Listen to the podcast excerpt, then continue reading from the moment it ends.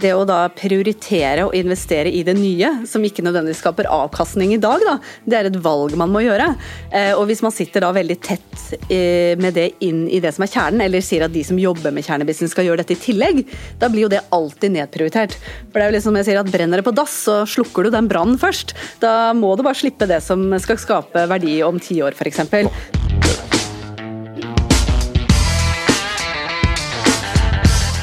Og velkommen til en ny episode av Deloitte-kast. Hallo til deg, Andreas.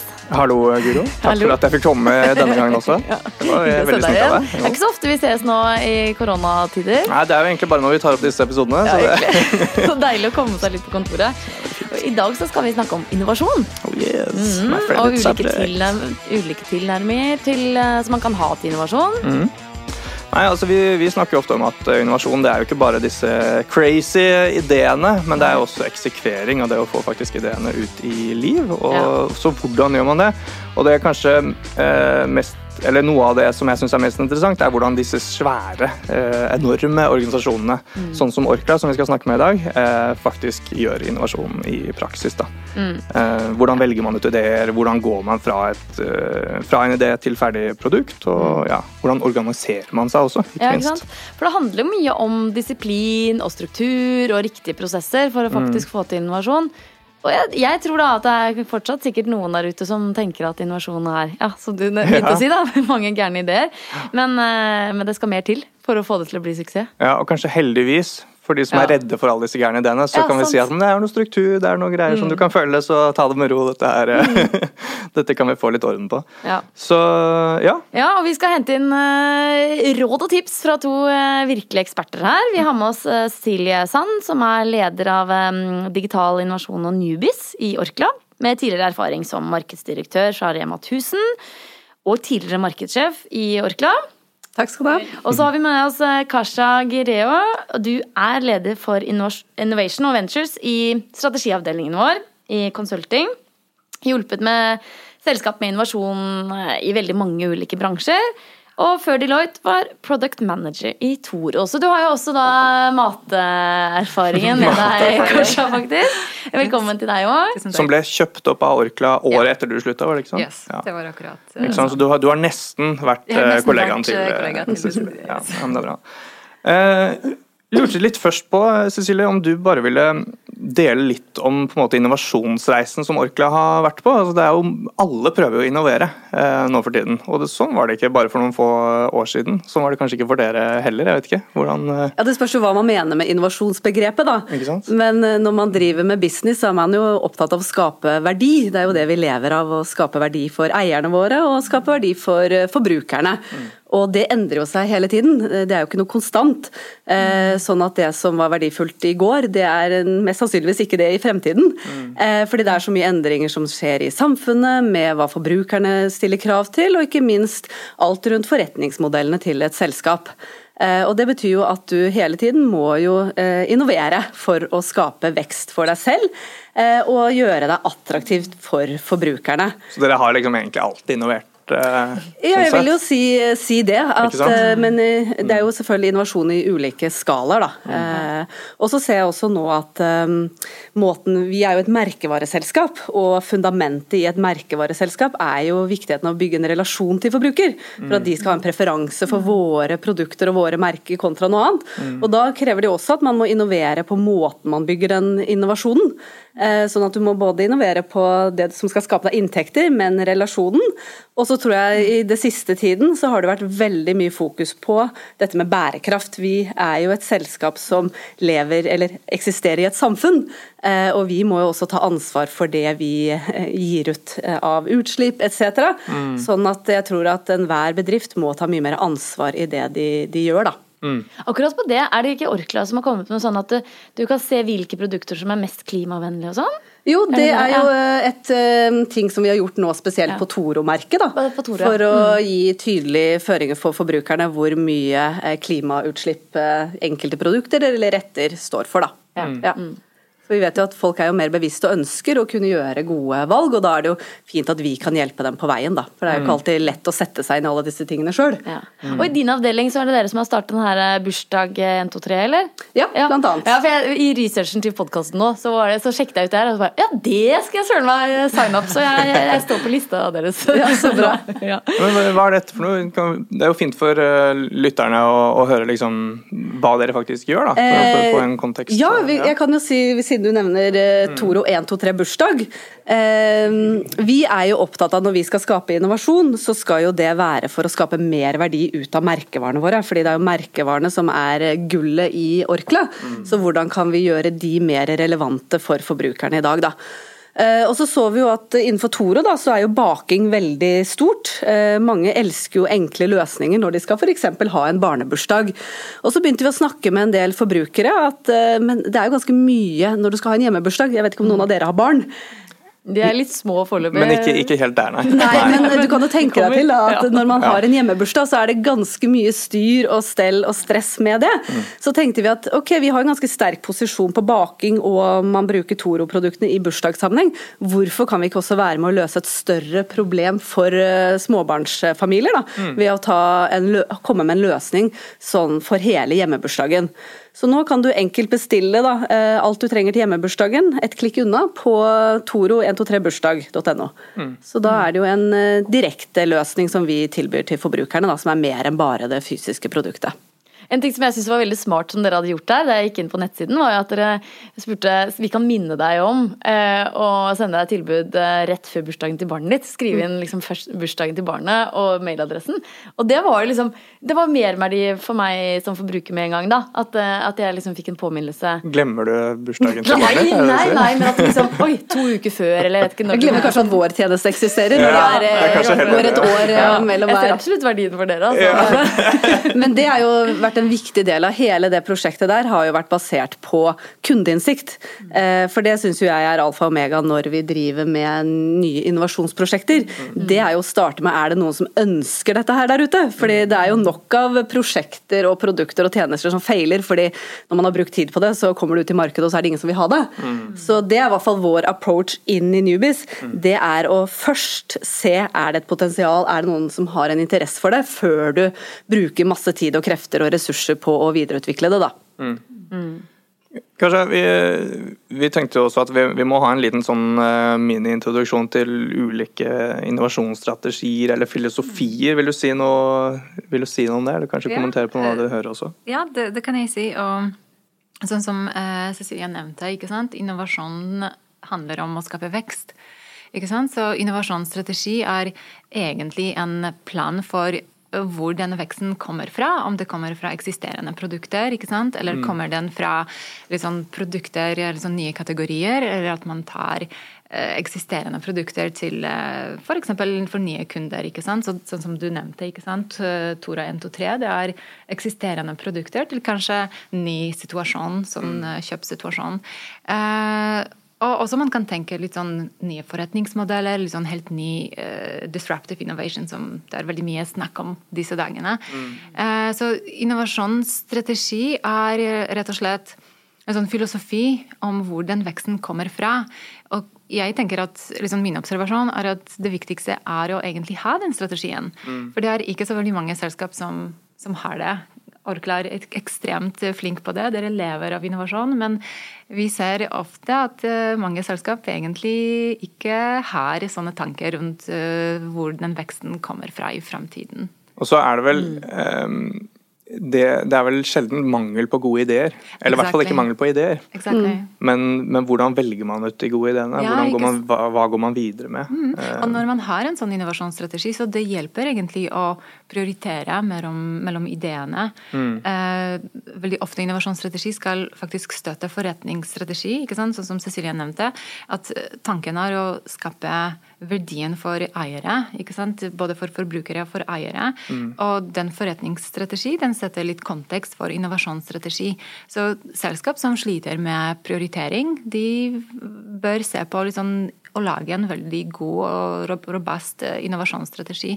Fordi, for eksempel, hvis vi tar um, eh, bursdagsløsningen deres, da. Hva var det som gjorde at dere valgte akkurat å gå for den kontra noe annet som også viste seg med kunder eller brukere å, å ha verdi? Altså, man kan jo, man, vi går jo alltid inn i det med uh, sette hva er forretningsplanen da, i bånn. Hva er de uh, store utfordringene vi må løse fremover. Og så uh, er det jo selvfølgelig også å se på hva er det kundene våre er opptatt av. Hvor er det vi scorer bra i dag, og hvor er det vi har potensial til å bli bedre. Så kommer det jo mange gode ideer opp på bordet, og så må man jo velge mellom dem. Men noen ganger så tror jeg også at man kan sitte og analysere seg i hjel med blant ideer. Mm. Så noen ganger tror jeg, jeg er i hvert fall veldig opptatt av det der at noen ganger så må man komme i gang. Det handler ikke om å ha rett med en gang, for dette her er helt nytt for oss.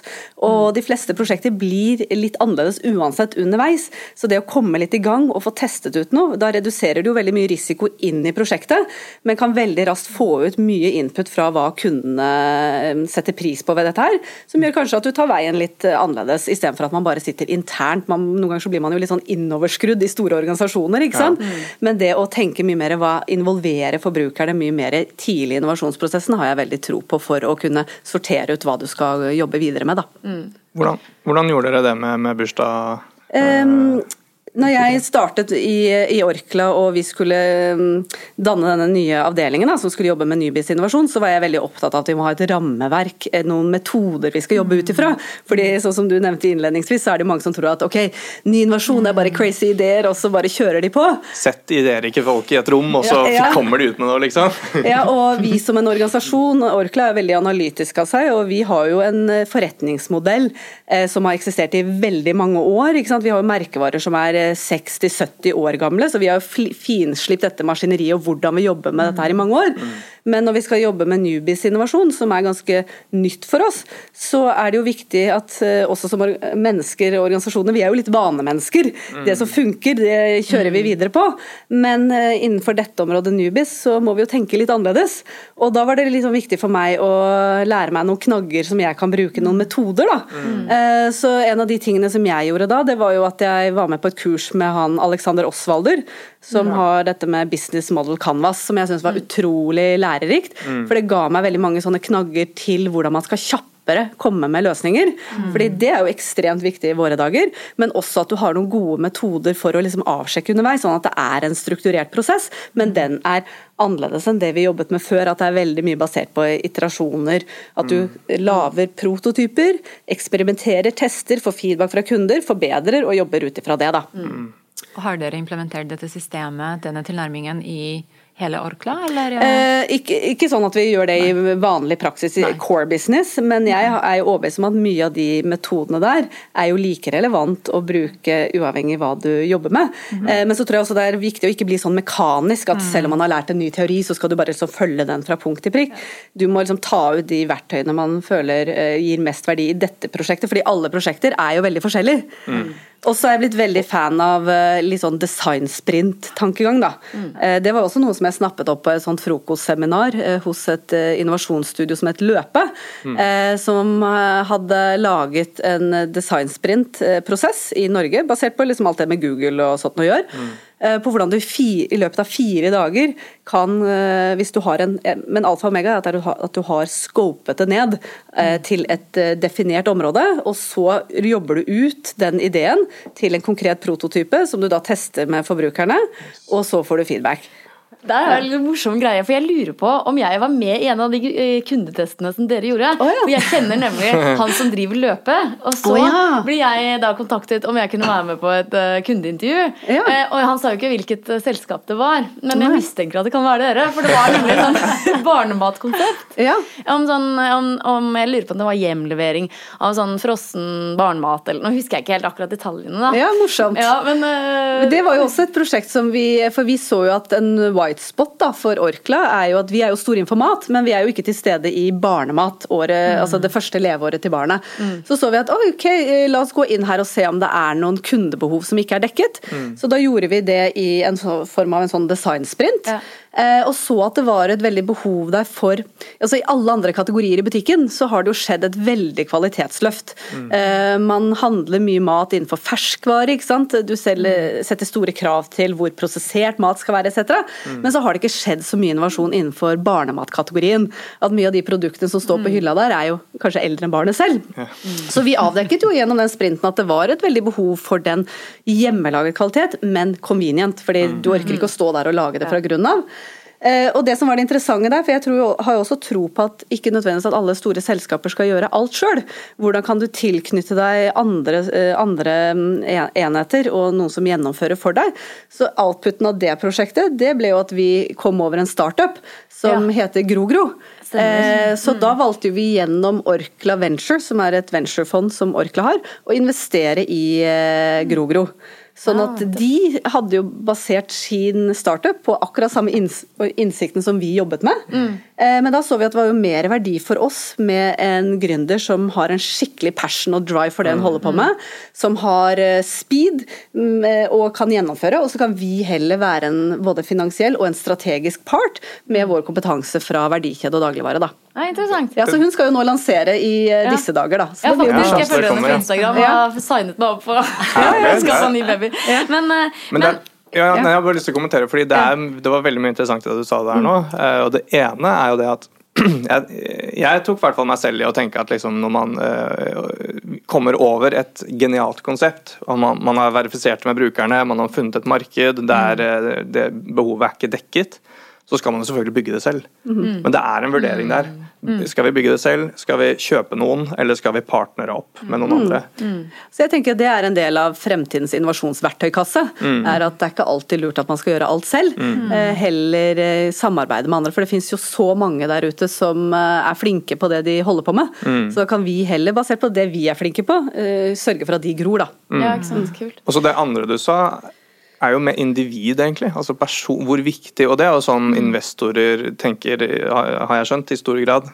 En ting er ideen, at mm. ideen skal være god, mm. men dette er en person med drive. Ja, med, med, ja, ikke sant? Dette, dette, her er noe jeg kan satse på. Jeg kan putte Ja, og det var jo en av de viktigste dimensjonene i den investeringen som vi valgte å gjøre i GroGro. Mm. Det handlet jo om teamet, at vi har troa på at de klarer å levere. Mm. Fordi Det er jo sjelden Orkla velger å gå inn veldig tidlig i prosjektet før det er kommet noe ut i markedet, mm. men i dette tilfellet gjorde det fordi vi hadde veldig troa på de som satt bak der, at de hadde gjennomføringskraften. da. Mm. For det er jo litt sånn eh, Jeg husker eh, et sånt sitat så at eh, ideas are shit, execution matters. Ja. Og det tror jeg veldig på, fordi det er som regel lite nytt under solen. Men det handler om hvem som klarer å eksekvere og gjennomføre, da. Og da krever det at det er folk som har det i seg til å gjøre det, og ikke lar seg stoppe. fordi mm. du får nok av nei der ute når du skal ja. komme med nye ting. Mm. Kanskje det er inne også, holdt jeg på å si. På, ja. Hvis du sitter på innsiden av en stor organisasjon òg, så kan det mm. også være en en utfordring sikkert å få med få Ja, og det er, jo, det er, jo, veldig normalt i store selskaper som har sin forretningsmodell at man er mm. vant til å la det maskineriet gå. Sånn at hvis noen som på en måte kanskje utfordrer og tenker at vi skal gjøre nytt, så blir jo det litt sånn støy, et finslipt maskineri. Mm. Men da tror jeg det er viktig at man eh, får til en forståelse, da. Mm. Eh, og får folk med seg. For det er jo ingen som liker å bare få noe tredd nedover huet, men at man får, eh, får organisasjonen med å um, vise hvorfor dette er viktig. Mm. Og det er også jeg tror på at jo mer vi beviser med konkrete cases, da, om det er to rent og tre bursdag, om det er barnemat eller naturlig kafé, som vi har åpnet nå, som er helt eh, nytt for Orkla det også, mm. da har vi mange bevis på at yes, dette her er det folk som har lyst til å bruke seg av. Og da er det jo lettere å få uh, gjennomført flere ting, da. Mm. Jeg tenkte på en ting også du nevnte litt noen minutter siden, Cecilie. Det at mm. dere opprettet jo en ny avdeling for ja. halvannet år siden. Um, for Grogro, ja det ble investert i på utsiden, og så har dere laget en ny avdeling da, for å drive med innovasjon. Og sånn som vi snakket om litt tidligere også, det kan jo si at hele Orkla er jo innovasjon på en måte, for man må utvikle nye produkter. Men så likevel så valgte dere å lage en ny avdeling. Kan du fortelle litt om hvorfor dere gikk for den løsningen? Hvorfor valgte dere det? Ja, altså Det tror jeg har jo mye med, eh, som jeg nevnte i stad, at eh, det som er core-businessen din, det jo, krever jo mye for at den skal levere. ikke sant? Det er mange mennesker som er, øh, jobber med det hver eneste dag i mange ulike avdelinger. Eh, men det å da prioritere og investere i det nye, som ikke nødvendigvis skaper avkastning i dag, da, det er et valg man må gjøre. Eh, og hvis man sitter da veldig tett med det inn i det som er kjernen, eller sier at de som jobber med kjernebusiness skal gjøre dette i tillegg, da blir jo det alltid nedprioritert. For det er jo liksom jeg sier at Brenner det på dass, så slukker du den brannen først. Da må du bare slippe det som skal skape verdi om ti år, f.eks. Mm. Så Derfor står vi, så vi verdien av at la oss sette et eget team som kan ha fokus på det, samt også at de metodene eh, som vi må bruke, og den fagkunnskapen vi trenger, den er kanskje litt annerledes enn det som vi bruker i det daglige arbeidet vårt. Så Da vil vi få mye mer verdi hvis vi gjør det på den måten, og så vil det være mye mer effektivt for selskapet hvis det er en liten gruppe mennesker som jobber med dette her. sånn at da bruker du ikke like mye ressurser i starten av et prosjekt. Da, så kan, mm. ja, Kjenner du deg igjen i det her, eh, Kasha? Hvis man tenker liksom innovasjon, som du også ser fra andre selskaper, det er core versus og liksom på ja, kanten? Ab absolutt. Og det eksempelet du nevnte, at man jobber litt annerledes med, med den type innovasjon som kanskje er litt annerledes enn liksom, hvordan man jobber med eksisterende produkter. Det er ganske mange egentlig eksempler fra, fra andre selskap. Uh, jeg har en bekjent fra, eh, fra, Lego. Jeg vet at Lego har utforsket bl.a. Eh, det hvordan man kan bli mer innovativt. Hvordan man kan komme fortere med, eh, med nye produkter, og samtidig beholde den måte effektivitet og den eh, på en måte low cost-fokuset i, i kjerneproduktene. ikke sant? Så de f.eks. etablerte eh, en sånn avdeling på produksjonssiten eh, som har litt andre prosesser, litt andre beslutnings, eh, litt, litt annen beslutningstakt, som går mm. fortere. ikke sant? Man kan eksperimentere mer. Så ja, det, det, det er ganske mange som eksperimenterer med, med den, disse ulike typer oppsett, egentlig. Ja, Fordi, selv, altså, det er jo en veldig sånn konkret ting som man kanskje ikke tenker ja. på. Men det med produksjonslinja at du må jo ja. Også produksjonen må kanskje gå fortere hvis du faktisk skal lage noen MVP, sånn minimal viable product, eller, eller liksom tidlig teste, da. Så må du ja, og bare tenk at Veldig mange selskap ikke sant, har en produksjonslinje som er tilpasset ikke sant? Eh, mm, kostnad, konkret kostnadsnivå. ikke sant? Ja. Mm. Og det å rett og slett drive med mye MVP-er eller testing, det belaster, eh, det mm. belaster eksisterende du må faktisk du må justere på prosessene, du må, du må justere på faktisk de maskinene som bygger ja. produktet, i Legos tilfelle, eller de som setter sammen matvarene. Hos det, hos ja, og så tror jeg det er viktig, i hvert fall erkjenner vi at siden vår innovasjon alltid skal bygge på merkevarene våre, så er det viktig at selv om vi er en egen fagenhet, så skal vi sitte tett på de som har merkeansvaret, som er markedsavdelingen hos oss. Så vi jobber jo veldig i interaksjon med dem. Mm. Så når vi har prosjekter eh, som kommer, springer ut fra forretningsplanene, så involverer vi alltid folk fra markedsteamene inn i det. For jeg, det handler jo noe om å ha eierskap til det. Mm. Eh, og kjenne på pulsen eh, det som skal være det nye også. Mm. Eh, så vi kan ikke bare jobbe som en satellitt utenfor, men vi må mm. jobbe Kanskje vi har eierskap til å drive de prosjektene, men i tett involvering med markedsteamet, da. Har det, har det, vært sånn hele tiden, eller er det noe dere har lært underveis? Vi har fokus på at det skal vi gjøre, men vi bare ser det enda tydeligere. Man, også vi som i en organisasjon, så lærer man jo mens man går også. Mm. Så det har jo gjort nå at nå er jo vår, mitt team integrert i altså markedsavdelingen. Vi har jo en stor markedsavdeling.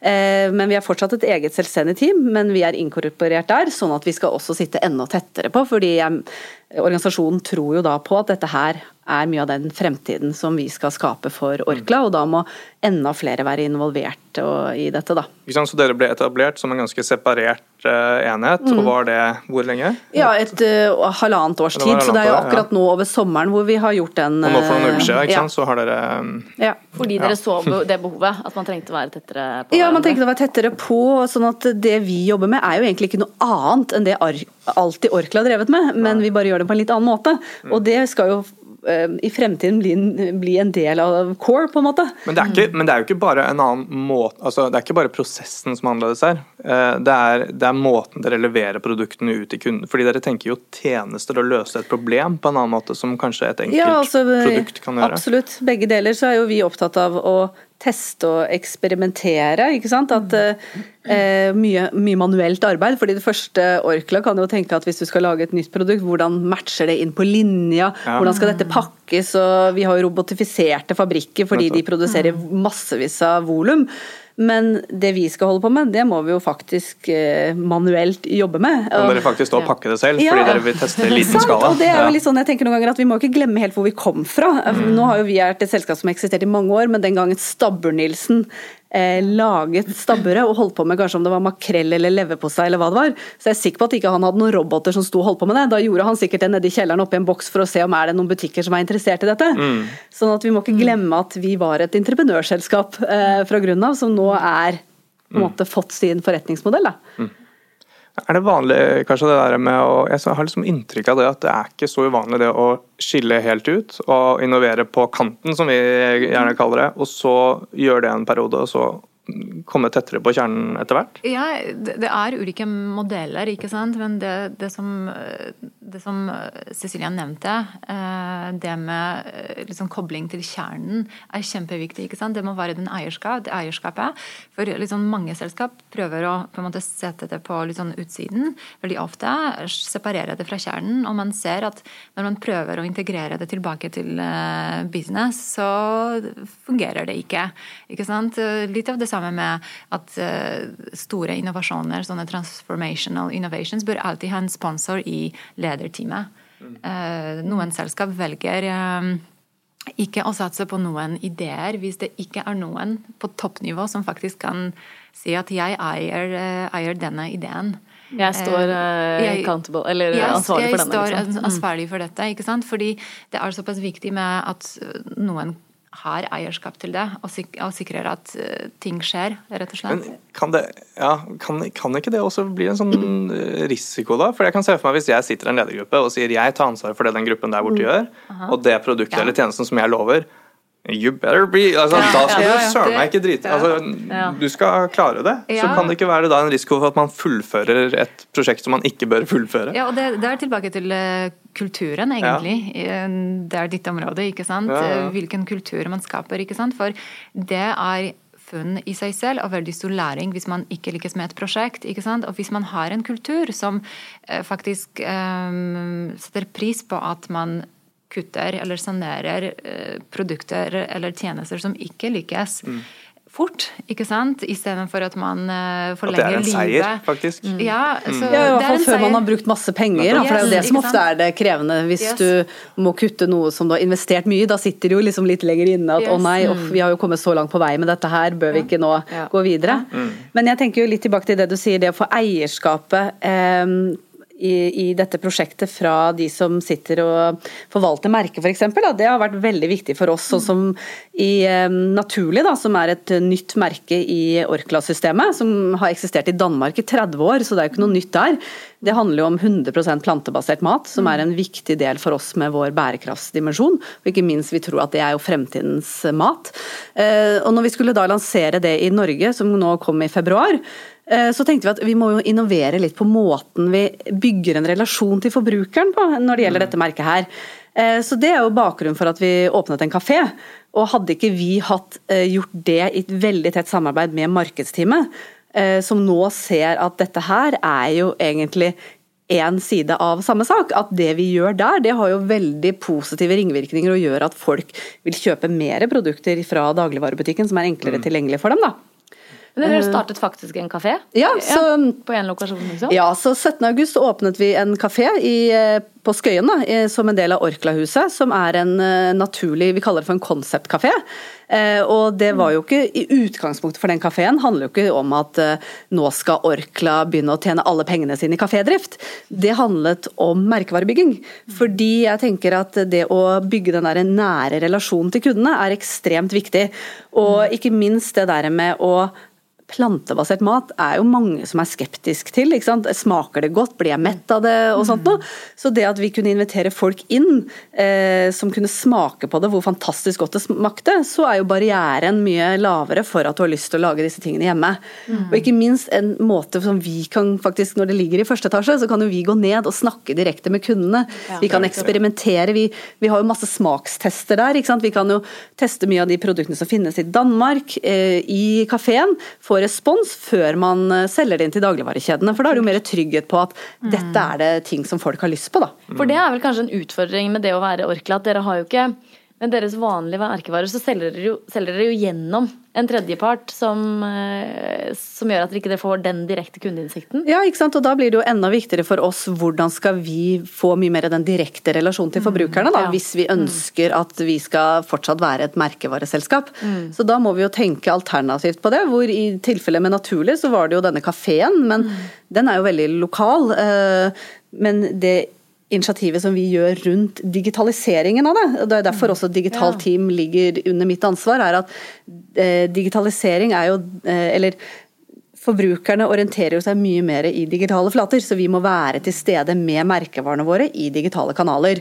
Sånn at mye av kommunikasjonen og alt det vi gjør rundt naturlig Vi har jo bygget opp en egen Instagram-konto nå for kafeen, men den er jo like mye for naturlig-merket. Sånn at det kan eh, spres til hele Norges land, ikke bare de som sitter i nærheten av Skøyen. da. Og det som er så genialt med det, tenker jeg altså fordi hvis du sier det litt sånn, altså Hvem er det som har lyst til å følge en, en helt sånn vanlig dagligvare på, på Instagram? Det er ikke interessant i seg selv. Men det som er så smart med det, er å, å knytte det til en opplevelse, som en kafé er. Og som er, ikke minst, det er Instagram-bart. Altså, det er noe Ja, og så tror jeg det at uh, de fleste, som du sier, uh, people uh, de elsker jo ikke bedrifter. Nei, De elsker andre mennesker. Yes. Og så tror jeg at skal merkevarer ha en altså vinne forbrukerne fremover, så må man ha en purpose bak det man gjør. da. Eh, og det merker vi jo veldig godt med Naturlig, da, som har truffet veldig en nerve ikke sant? med det engasjementet rundt plantebasert mat og bevare kloden og alt mulig. Så vi får jo utrolig mange som engasjerer seg i dette her. Og hvis vi også kan snakke om ting som ikke bare handler om å vise fram en nyhet, et nytt produkt, men snakke om hvorfor vi gjør det, og vise mennesker bak det, og vise men altså involvere forbrukerne i det, da blir det jo mye mer interessant univers å være en del av. Så jeg tror at mye av an, flere av merkevarene våre må finne tilbake til hva er purposen bak det man gjør, da. Jeg har- lyst til å si en ting om det, det at dere har en sånn en egen konseptbutikk eh, basically da, i egne lokaler. Fordi det er, jo, det er jo noe vi har snakket uh, mye om egentlig med ulike kunder. Det å, å opprette såkalte labber, da, eller altså testlokaler basically. Som du har tett på egen bedrift. Som du sier, vi kan bare gå rett ned i første etasje og så snakke direkte med kunder. Så det er jo en kjempefin, uh, viktig kilde til innsikt. Men jeg tenker jo også at det er jo en veldig viktig kilde til data og, og liksom validering på den måten. Og Innovation accounting snakker vi om altså, å kunne vise at det er en, det er en vekst. og det er, det er ikke bare at vi har snakket med folk og de sier at eh, vi elsker produktet, men du ser det faktisk i salgstallene, så det konverterer til, Ja, og til der- atferd. derfor har vi Og så kan dere opptatt- eie det, liksom. Ja, ikke sant? Og Derfor har vi vært opptatt av at vi også i denne laben vår der nede skal innovere på hvilke digitale verktøy vi har. Sånn at det, Vi har jo der en bestilling- og betalingsapp som er en veldig fordel for kundene. At det går raskt og enkelt å bestille og betale. Men for oss så gir jo det veldig mye innsikt i hva kundene ønsker. ikke sant? Og hvordan, ikke minst når på døgnet er det det selges mest ditt og datt. ikke sant? Så vi kan også optimalisere. Eh, Er det fordi liksom, de typiske kassasystemene er ikke bygget på den måten? Altså, jeg vil jo si at eh, liksom restaurantbransjen, Nå er ikke jeg veldig bevandret inn i restaurantbransjen, men bare det jeg har lært liksom, den siste tiden jeg har holdt på med dette, her, er jo at der, Du ser jo fortsatt går du på mange restauranter eller kafeer, så driver man jo med penn og papir. Så man har kanskje ikke kommet dit enn. Man vet jo hvor mange pizzaer med skinke du selger, eller hamburger du selger, men det å få mer innsikt om eh, hvem kundene er, og hvordan de kombinerer menyene sine, og når de kommer tilbake, og hva kjøper de da, eh, det er, tror jeg er en Nå ser vi en endring på det, da, hvor flere og flere eh, kafeer og restauranter tar i bruk eh, denne type verktøy da, for å få mer innsikt om eh, kundene. Vi skal jo snakke om eh, personvern og bruk av data i neste episode. Så, det er jo no så vi, vi kunne jo hoppet inn i personverndebatten der, men, men eh, vi kan holde oss til å si at det å eie dataene og ta kontroll på dataene slik at du kan lære noe av de, det, det er ganske viktig. da. Men eh, jeg, jeg syns det, det var en ting som du nevnte var utrolig interessant, og det var det rundt eh, at man egentlig ikke trenger å tenke at innovasjon skal være noe veldig stort. Liksom for å lykkes med innovasjon så handler det ikke bare om ideen, men det handler om forretningsmodellen. ikke sant? Og det vi ser, spesielt i utlandet, er at det er ekstremt mange selskap som faktisk ikke bare tenker på produktinnovasjon, men de tenker veldig mye rundt ok, hva er salgskanal? ikke sant? Er, eh, hvordan kan jeg redusere risiko for at eh, Guro kjøper noe fra meg og kan returnere produktet fort uten eh, noe risiko? ikke sant? Så, så det å tenke jeg, jeg, opplever ofte at man er litt skremt av å tenke og jobbe med innovasjon, fordi man tror at vi må plutselig lansere neste Facebook eller Google. Mm. Men det trenger ikke å være det. ikke sant? Innovasjon kan faktisk være dagens produkt, men med nye salgskanaler eller nye forretningsmodeller. Så det, det er det som er så kult egentlig med, med, ja, med business, model, business model Canvas. at uh, den, den, på en måte bare, Det er ikke det at den er så genial i seg selv nødvendigvis, men den gir deg noen hint. ja, Du kan innovere på hvilke kunder skal jeg nå, ja. uh, eller hvordan jeg skal nå de, hvilke kanaler. sånn som Dere har jo solgt Dere, dere selger kanskje de samme produktene som dere alltid har gjort. da, mm. Kunne dere gjort på kafeen også, bare i en ny kanal og fått innsikt og hatt verdi av det. Hvordan skal inntektsstrømmene være? Altså, du ja, sant, får det bildet av hele forretningen. Nye partnere. Ja, og så er det jo, jeg tror jeg hele tiden det handler om å teste og ikke se på det som en sånn svær lansering. ikke sant? Mm. Fordi ofte sånn når man skal lansere noe i dagligvarekjeden, når du skal selge noe, så må det jo være 100% perfekt. Eller så sier de at ja, men du, da gidder du ikke å ta det produktet fra dere hvis det kommer en annen konkurrent og har det mm. perfekte.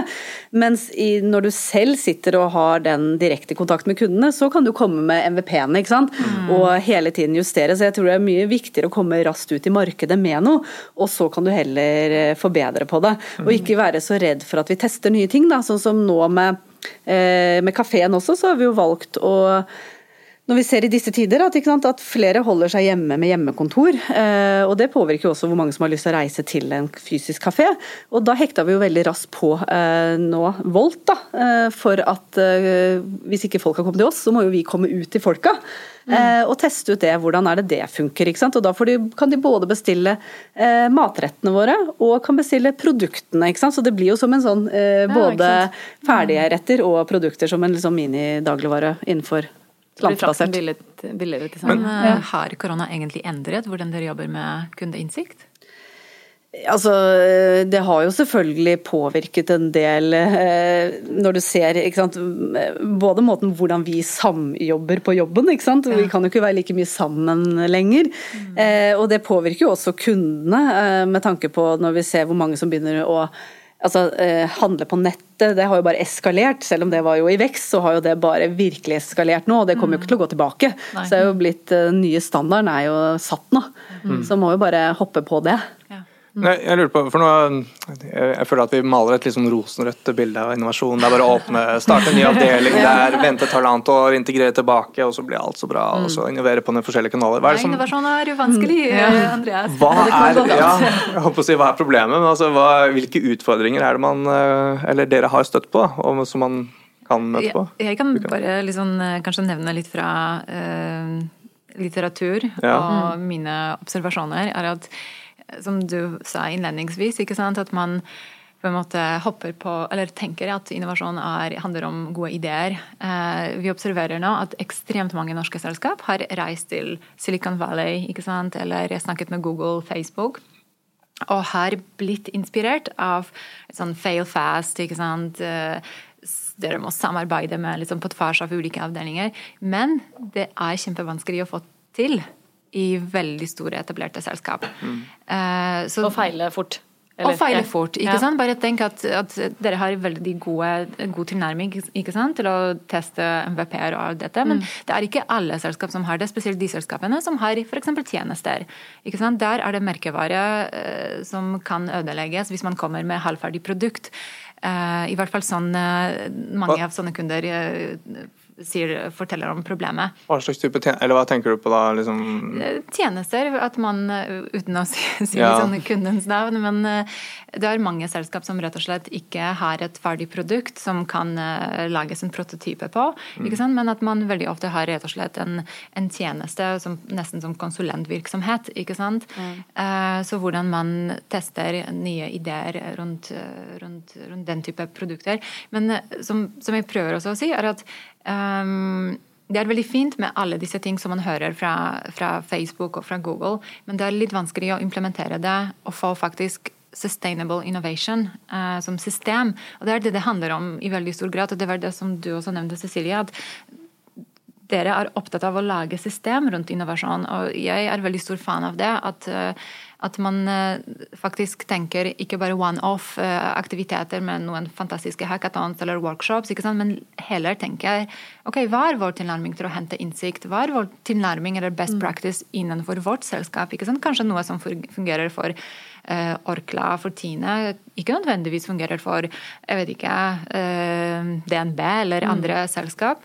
Så tenke litt mer sånn utfordre Eh, de etablerte sannhetene der ute, og tenke hva er det vi trenger. Det får, det får meg til å tenke på um, Spotify-modellen. Yes, som, som, som, ble, liksom Alle skulle ha Spotify-modellen. Så hvis ikke eh, du vet hva det går ut på, kjære lytter, så må du bare søke opp det på, på YouTube. For det var, jeg tror det er det tilbake i var det 2012 eller 2014 eller Det begynner å bli noen år siden hvor de lagde en kjempefin sånn informasjonsvideo om uh, hvordan de var organisert med guilds og tribes og en helt sånn agil ja. uh, organisering. da. Ja. Og så plutselig så skulle alle ha Spotify-modellen, selv om de sier i videoen at den her er mest sannsynlig utdatert innen du ser den uansett.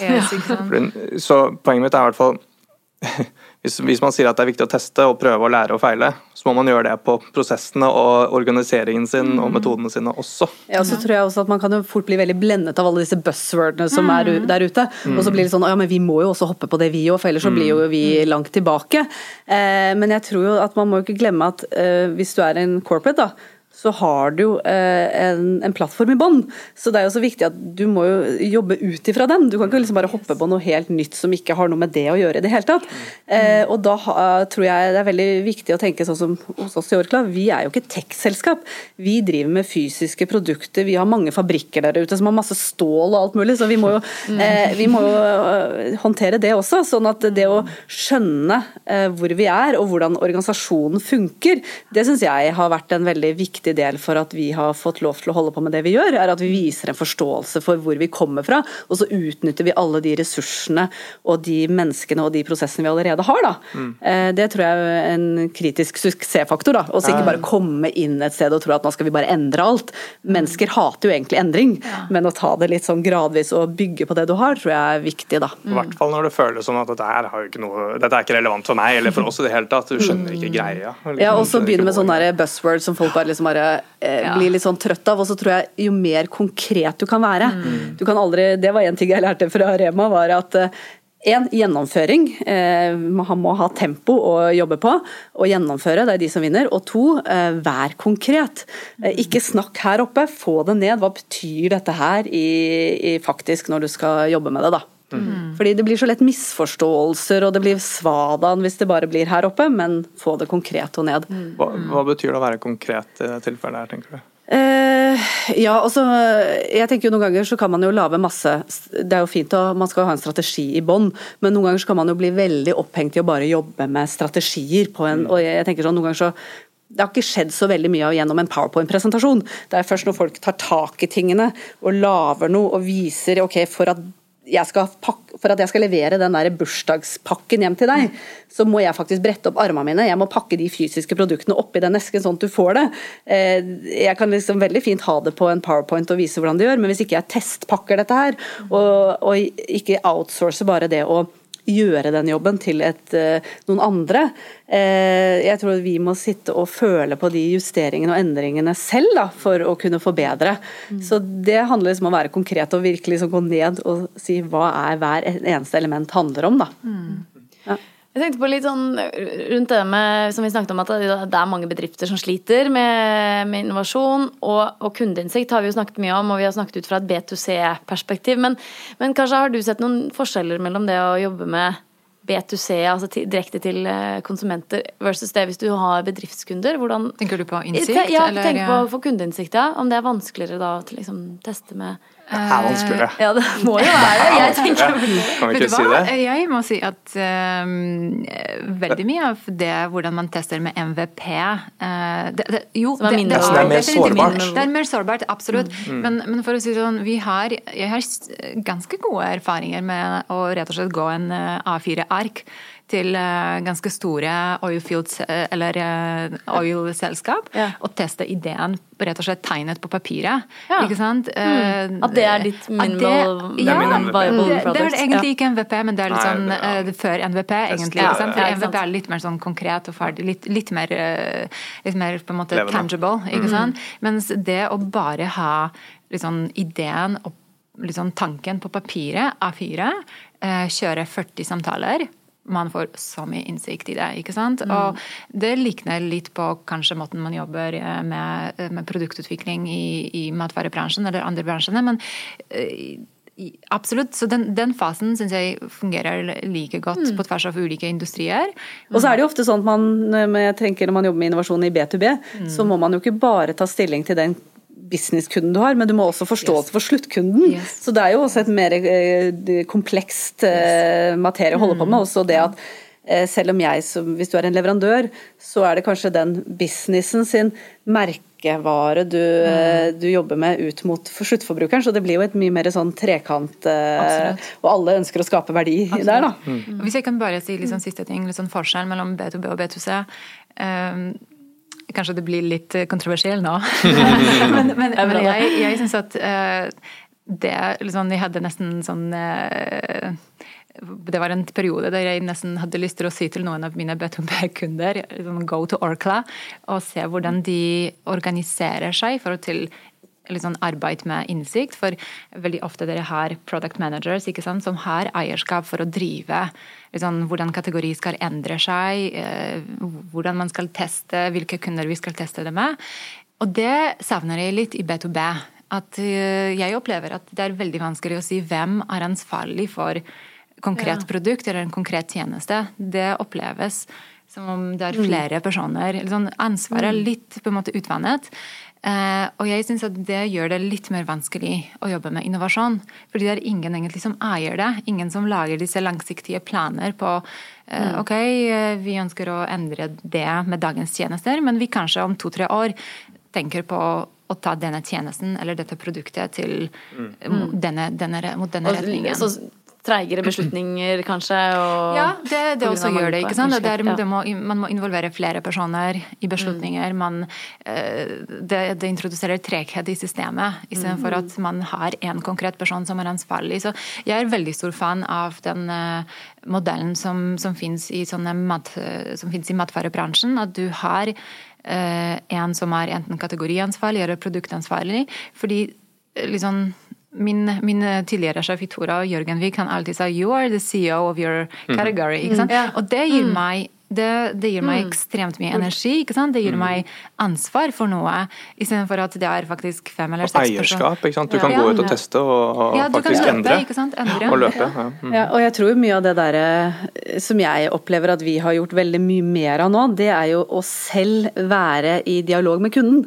Og få innsikten rett fra kunden. Eh, Tidligere så kanskje man belaget seg mye mer på disse researchbyråene, Eh, men nå Fokusgrupper og ja, ikke sant? Men nå gjennom gjennom digitale kanaler så er det så mye lettere å nå ut til forbrukerne Mm. og gjennomføre intervjuer på Teams. ikke sant? Sånn at, og da er det noe av det å sitte med førstehåndskunnskapen, at Mm. vi gjør det. fordi har du en mellommann som gjør disse researchene, så vet jo ikke de helt alltid hva vi skal bruke det til. Så er jo en, Hvis den Mm. kunden sier noe, så kan jo vi spille videre på det, fordi vi vet egentlig hva dette er til. Mm. Så det syns jeg har vært en av de viktigste tingene som eh, vi jobber med nå, å sitte på den der eh, direkte sugerøret mot kundene. da. Det er utrolig Så spennende. vi må avslutte Ja. nå, selv om dette her er, er, var så spennende.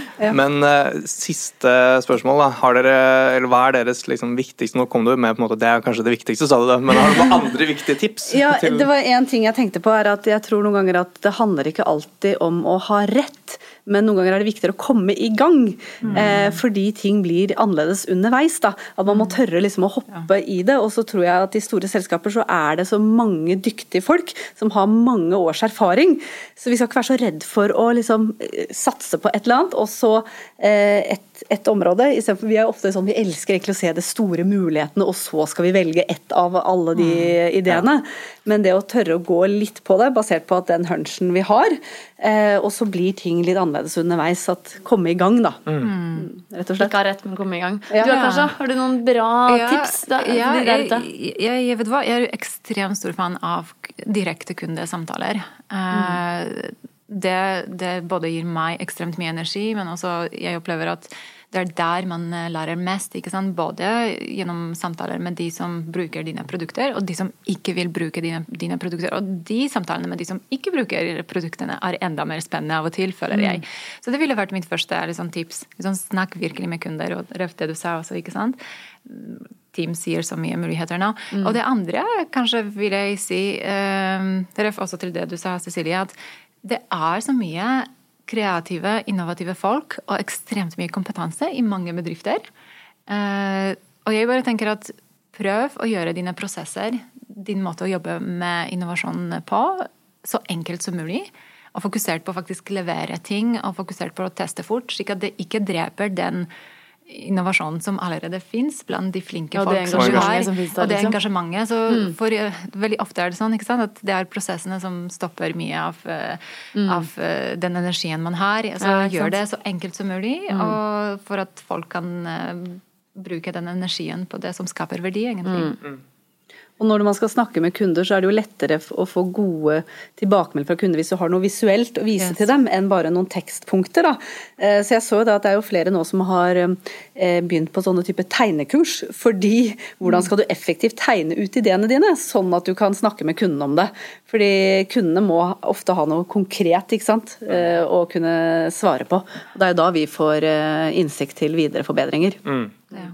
Og viktig internt òg, tenker jeg. Mm. Man skal forklare ideen. Ja, for ellers vi bare rundt bordet her, hadde vi hatt en plansje på tavla, så hadde det sikkert vært uh, ulike oppfatninger uh, blant oss fire som sitter her. Ja. Ja, hvordan dette ville se ut. Ja. Nei, men uh, Kjempebra. Noen gode tips der på slutten. om Det handler ikke om å ha rett, men å komme i gang. Og at mm. dere må snakke med, direkte med kundene der ute, mm. kjære lyttere. Nei, men Jeg tror vi bare kan runde av der og så mm. si tusen takk for at dere tok turen hit i dag. Mm. Kjempespennende, og masse lykke til med takk. ny innovasjon. Takk. Så kommer det en ny eh, episode igjen om eh, to uker. Eh, og innen den tid så er det bare å fortsette å sende mail til oss på podcast.deloitte.no om du har spørsmål eller forslag til temaer eller ting du har lyst til at vi skal dykke enda mer i. ja, så gleder vi oss til ja. en ny prat igjen. Det gjør vi. Om personvern neste gang. Oh, yes. Ha det bra. Vi høres. Vi høres.